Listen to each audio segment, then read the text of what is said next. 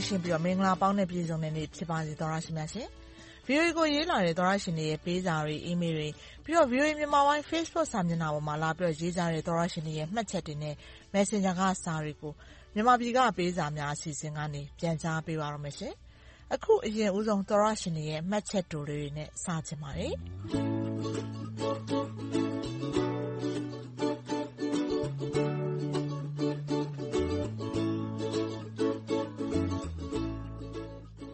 Messenger မှာ ရေးလာတဲ့ သောတရှင် သင်းရင်မူက VOA ရုပ်သံဌာနက အကိုအမများအားလုံး အသံပါရမီ ပြည့်စုံသူများ ဖြစ်သောကြောင့် ဂုဏ်ယူဝမ်းမြောက်မိပါသည်ရှင်။ဟုတ်ကဲ့ ကျေးဇူးအထူးတင်ပါတယ်။ဆက်ပြီးတော့ အားပေးပါဦးရှင်။မခင်စန်းဝေဆိုတဲ့ သောတရှင်ကလည်း VOA အဖွဲ့သားတွေ အားလုံးလေးစားပါတယ်။မီးလာရဲ့အမြဲတမ်းနားထောင်ပါတယ်။သတင်းတင်ဆက်သူတွေအားလုံး အပေးအယူ အချိတ်အဆက် မိမိရရ တင်ပြမှုကောင်းပါတယ်။ကျေးဇူးတင်ပါတယ်။ကျန်းမာချမ်းသာကြပါစေတဲ့ မခင်စန်းဝေ ကျမတို့ ရေဒီယိုတင်ဆက်မှု ရုပ်မြင်သံကြားကနေ တိုက်ရိုက်ထုတ်လွှင့်ပြသတာကို ကြည့်ပြီးပြောဝင်ရပါတယ်။အားပေးတဲ့အတွက် အထူးကျေးဇူးတင်ပါတယ်။သောရရှင်တွေအားလုံးကို နှုတ်ခွန်းဆက်ရင်နဲ့ မြန်မာနိုင်ငံက ဖြစ်နေတဲ့ အခြေအနေကို ရေးလာတဲ့ သောရရှင်တယောက်ရဲ့စာကိုလည်း ဖော်ပြပေးချင်ပါတယ်ရှင်။မင်္ဂလာပါ။ VOA ဝိုင်းတော်သားများနဲ့ ပြည်သူများအားလုံး ကျမ်းမာပျော်ရွှင်လို့တောကအပူများ ငြိမ်းချမ်းကြပါစေ။ VOA ရဲ့ ကျေးဇူးကြောင့် မြန်မာပြည်နဲ့ နိုင်ငံတကာသတင်းတွေကို နားထောင်ခွင့် သိခွင့်ရလို့ ကျေးဇူးအထူးတင်ပါတယ်။ပြည်သူတွေရဲ့ ပေးစာတွေကို အရေးတယူ ဖော်ပြပေးတယ်။အပြန်အလှန် လေးစားမှုထားလို့ ဝမ်းသာပီတိ ဖြစ်ရပါတယ်။ VOA သတင်းဌာနရဲ့ ကျေးဇူးကြောင့် မြန်မာနိုင်ငံရဲ့ မြို့နယ်တိုင်း လက်ရှိ အဖြစ်အပျက်တွေကို ကြားရတာ မြင်ရတာ စိတ်ထဲမှာ အတော်လေး နေရခက်တယ်ဗျာ။မြို့ရွာတွေဟာ မီးလောင်ပြင်တွေ ဖြစ်နေပြီ။ဒုက္ခအမျိုးမျိုးနဲ့ ရင်ဆိုင်ကြရတဲ့ ပြည်သူတွေ မျက်ရည်တွေနဲ့ ရင်ဖွင့်သံတွေ နားထောင်ရတယ်။အားသင်းထားကြပါလို့ မပြောရက်ဘူး။ ပြည်သူတွေကို အဲလောက်ထိ ယုတ်မာရိုင်းစိုင်းနေကြတာ။တနေ့ သူသောအကျိုး ပြန်ခံရပါစေ။သတင်းတွေ နားမထောင်ဘဲလည်း မနေနိုင်ဘူး။ဟုတ်ကဲ့ပါ။သူကတော့ ထိုင်းနိုင်ငံရောက်နေတဲ့ သောတရှင်ဖြစ်ပါတယ်။အရင်တုန်းကလည်း စာတွေရေးဖူးလို့ ကျမ သိတာပါ။သူက မြန်မာနိုင်ငံက အခြေအနေတွေ တွေ့နေ မြင်နေ ကြားနေရတာ စိတ်ထဲမှာ အတော်လေး နေရခက်ပါတယ်တဲ့။သူက မြို့ရွာတွေ မီးလောင်ပြင်တွေ ဖြစ်နေရပြီဆိုပြီး ရေးလာလို့ နောက်ထပ် မြို့ရွာတွေ မီးလောင်ပြင်တွေ ဖြစ်နေတယ်ဆိုတဲ့ သတင်းနဲ့ ပတ်သက်ပြီး ရေးလာတဲ့ နောက်ထပ်သောတရှင်ရဲ့ စာကိုလည်း ဖော်ပြပေးချင်ပါတယ်။ VOA ရေ၊မြန်မာပြည်တွင်းမီးရှို့ခံနေရတဲ့ ကျေးရွာတွေ အစုလိုက်အပြုံလိုက် သတ်ခံရတဲ့သူတွေ တနေ့တခြား ပိုများများလာပါတယ်။ဒါကြောင့် VOA အနေနဲ့ သီးခြားသတင်းခေါင်းစဉ်နဲ့ သတ်သတ်မှတ်မှတ် သတင်းထုတ်ပြန် ကြေညာပေးပါရန်၊စာရင်းတိကျစွာရက်ကော့ပြုလုပ်ပေးထားပါရန် VOA ရဲ့ ပရိသတ်တယောက်အနေနဲ့ရော ပြည်သူတယောက်အနေနဲ့ပါ လေးနက်စွာ တောင်းဆို တိုက်တွန်းအပ်ပါတယ်။ သို့နည်းမဟုတ် တနည်းတဖုံ နိုင်ငံတကာ သတင်းဌာနတွေ ရောက်ရှိစေဖို့ အထူးကူညီ ဆောင်ရွက်ပေးစေချင်ပါတယ်။ဒီသောတရှင်က မြန်မာနိုင်ငံမှာ လူသားထုအပေါ် ချိုးဖောက်ကျူးလွန်တဲ့ ပြစ်မှုတွေကို VOA ကသတင်းဖော်ပြပေးပါ၊မှတ်တမ်းယူ စာရင်းလုပ်ပေးပါဆိုလို့ ကျမတို့က သတင်းဌာန ဖြစ်တဲ့အတွက်သတင်းတွေ ဖော်ပြပါတယ်။သတင်းဖော်ပြတယ် ဆိုတာကလည်း တနည်းအားဖြင့် ကမ္ဘာသိ မှတ်တမ်း ဖြစ်သွားတာပါ။ဖြစ်ရပ်တိုင်းကိုရက်ကော့လုပ် မှတ်ထားပေးပါ ဆိုတာကတော့ မြန်မာနိုင်ငံက လူထုအခြေပြု လူမှုအဖွဲ့အစည်းတွေကအစ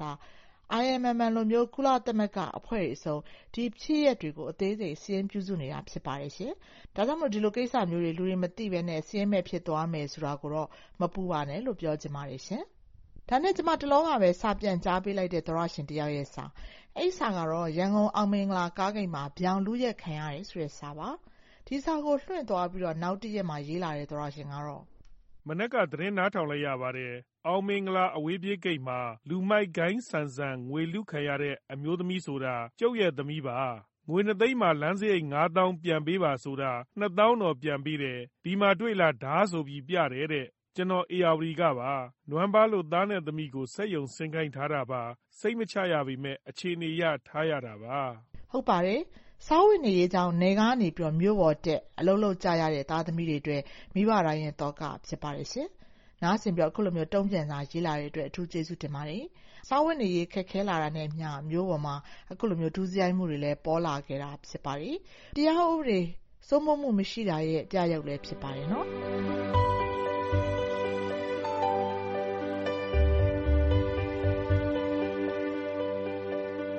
နောက်ဆက်ပြီးရင်ဖွင့်လာတဲ့သောတရှင်တယောက်ရဲ့စာကိုဖော်ပြပေးပါဦးမယ်။ခံစားချက်ရင်ဖွင့်စာလေးရေးပါရစေဗျလို့ရေးလာတဲ့သောတရှင်ကတော့အခုဖြစ်နေတဲ့နိုင်ငံရေးအခြေအနေမှာသူကြုံတွေ့နေရတဲ့အခက်အခဲတွေကိုရင်ဖွင့်ပြောပြလာတာပါ။“ကျနော်ကစစ်တပ်ကဗိုလ်ကြီးဟောင်းတယောက်ပါဒီလိုပြောလို့လည်းစစ်တပ်ထောက်ခံသူ၊ကြံ့ဖွံ့ထောက်ခံသူ၊မဘသထောက်ခံသူ၊မျိုးချစ်အဖွဲ့ထောက်ခံသူယနေ့ခေတ်အခေါ်ဒလန်၊ပျူစောထီး၊သွေးသောက်လုံးဝလုံးဝမဟုတ်ပါဘူး။ NLD ပါတီဝင်မဟုတ်ပေမယ့် အမေစုကို လေးစားချစ်ခင်လို့ NLD ထောက်ခံသူဖြစ်သလို ၂၀၁၅-၂၀၂၀ ရွေးကောက်ပွဲတွေမှာလည်း NLD ရပ်ကျေးအဖွဲ့မှာ အကူအညီပေးခဲ့သူပါ။စစ်တပ်က အာဏာသိမ်းတော့လည်း ရပ်ကွက်ထဲမှာ ရှေ့ဆုံးကနေ မိသားစုလိုက် ဆန္ဒပြပွဲတွေမှာ ပါဝင်ခဲ့သူပါ။ဆန္ဒပြပြည်သူတွေ၊ကျောင်းသူကျောင်းသားတွေကို ကူညီခဲ့ပါတယ်။ကျနော့်သမီးဆိုရင်လည်း အာဏာသိမ်းတဲ့နှစ်ကနေ ဒုတိယနှစ်ကျောင်းသူအနေနဲ့ ကျောင်းဆက်မတက်တော့ပါဘူး။ပြောချင်တာက ဒီလိုပါ။စစ်တပ်အာဏာသိမ်းလိုက်လို့ ပြည်သူတွေ စီးပွားပျက် ဒုက္ခအကြီးအကျယ်ရောက်နေကြတဲ့အထဲမှာ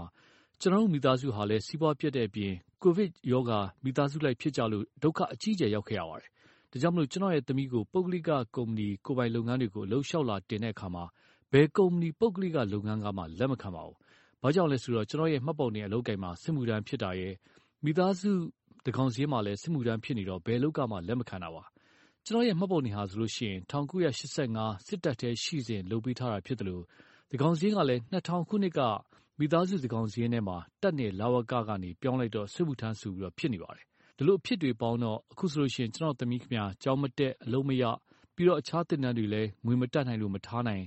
ကျနော်တို့ တမိသားစုလုံး စားဝတ်နေရေး ကျန်းမာရေးအတွက် စိုးရိမ်ရေမှတ်ကို ရောက်နေရတယ်ဆိုတာကို VOA ကနေ ရင်ဖွင့်ချင်ပါတယ်ဗျာ။ဒါကတော့ တချိန်က စစ်မှုထမ်းတယောက် ဖြစ်ခဲ့ပါတယ်ဆိုတဲ့ သူတယောက်ရဲ့ အခုလက်ရှိ ကြုံတွေ့နေရတဲ့ အခြေအနေ ဖြစ်ပါတယ်ရှင်။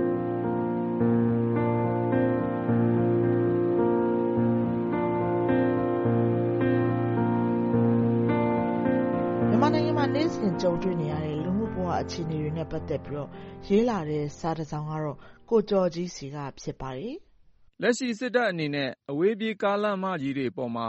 ငွေကြေးမတရားကောက်ခံတာတွေကို ဘယ်လိုအရေးယူပါသလဲ မေးပေးပါ။အနယ်နယ်အရပ်ရပ်က လုံခြုံရေးဂိတ်မှန်သမျှ သူတို့ပါးစပ်ထဲပြောတဲ့ငွေကို ယာဉ်မောင်းတွေက ချက်ချင်းမပေးရင် ကားသမားတွေ ဆဲခံရပါတယ်။ရန်ကုန်အဝင်သုံးလမ်း၊နေပြည်တော်၊ရေနီ၊တပ်ကုန်း၊ညောင်လွန်း၊စစ်ကိုင်းတံတား၊မန္တလေးဘက်ကအတက် လှပေါက်အကျော် ညောင်ပင်အောက်မှာ BEMP တံဆိပ်ပါ စစ်သားတွေက ကချင်ပြည်နယ် နန့်စီးအောင် စစ်ဆေးရေးဂိတ်၊၂၁ မိုင် စစ်ဆေးရေးဂိတ် ရေးရရင်တော့ဗျာ ကုန်မယ်တောင် မထင်ပါဘူး။ဒီလို ကားသမားပြည်သူတွေကိုရမ်းကားတောင်းရမ်းနေတာတွေကို တိုင်ကြားလို့ရရင် တိုင်ကြားရမယ့် ဖုန်းနံပါတ်တွေ ပြည်သူတွေအတွက် ဖော်ပြပေးဖို့ တောင်းဆိုချင်ပါတယ်ခင်ဗျာ။သောတရှင်တွေရဲ့ ပေးစာတွေကိုတော့ ဒီတပတ် ဒီမှာတင် ရပ်ချင်ပါတယ်။ အားလုံးအတွက် ပိုမိုကောင်းမွန်အဆင်ပြေတဲ့သီတင်းတပတ် ရရှိပါစေလို့လည်း ဆန္ဒပြုမိပါတယ်နော်။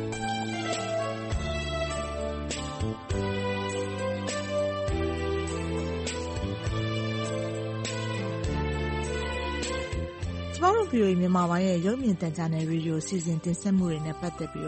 အကြံပေးဝေဖန်ချင်တယ်။ပြီးတော့ကိုယ်တိုင်အတွေ့အကြုံနေရတဲ့အဖြစ်အပျက်တွေ၊နိုင်ငံရေးအခြေအနေတွေနဲ့ပတ်သက်ပြီးကိုယ်ပိုင်ထင်မြင်ယူဆချက်တွေ ရင်ဖွင့်စာတွေရေးချင်ကြတယ်ဆိုရင်တော့ကျမတို့ VOA ကိုစာရေးသားဖို့ဖိတ်ခေါ်ပါတယ်နော်။အီးမေးလ်ကနေစာရေးမယ်ဆိုရင် burmese@voanews.com ကိုမြန်မာပြည်မပေးစာများအစီအစဉ်ဆိုပြီးရေးသားပေးပို့နိုင်ပါတယ်။ Facebook အသုံးပြုတဲ့သူတွေအနေနဲ့လည်း VOA Burmese News ဆိုတဲ့ VOA မြန်မာပိုင်းရဲ့ Facebook စာမျက်နှာကိုသွားပြီးမှတ်ချက်တွေလာရေးနိုင်သလို VOA မြန်မာပိုင်း Facebook Messenger ကနေလည်းစာရေးပို့လို့ရပါတယ်။ သောတရှင်တွေဆီကတုံ့ပြန်အကြံပြုလာမှာတွေကိုစောင့်မျှော်ကြိုဆိုနေပါတယ်ရှင်။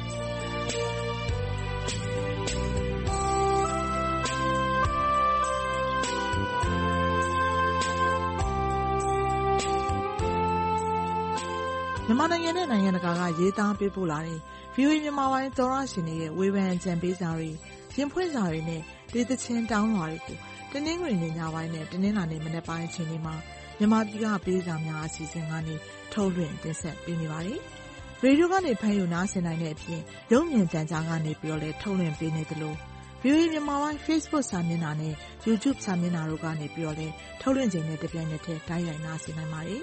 လွှင့်ထုတ်ပေးခဲ့ပြီးတဲ့အစီအစဉ်တွေကို Facebook နဲ့ YouTube ပေါ်မှာပြန်ပြီးနားထောင်နိုင်သလို VOA အင်တာနက်စာမျက်နှာနဲ့ဖုန်းပေါ်က VOA App တွေမှာလည်းသွားပြီးနားထောင်ကြည့်ရှုနိုင်ပါတယ်။ ကျမတို့ရဲ့ VOA App နာမည်က VOA Burmese ဖြစ်ပါတယ်။ကျမတို့ရဲ့အင်တာနက်စာမျက်နှာလိပ်စာက burmese.voanews.com ဖြစ်ပါတယ်။ကျမအေးသန္တာကျော်ပါ။ VOA ကိုလည်းစာရေးကြပါဦးနော်။သောတရှင်တွေအားလုံးဘေးအန္တရာယ်ကင်းရှင်း၊ရွှင်လန်းချမ်းမြေ့ကြပါစေရှင်။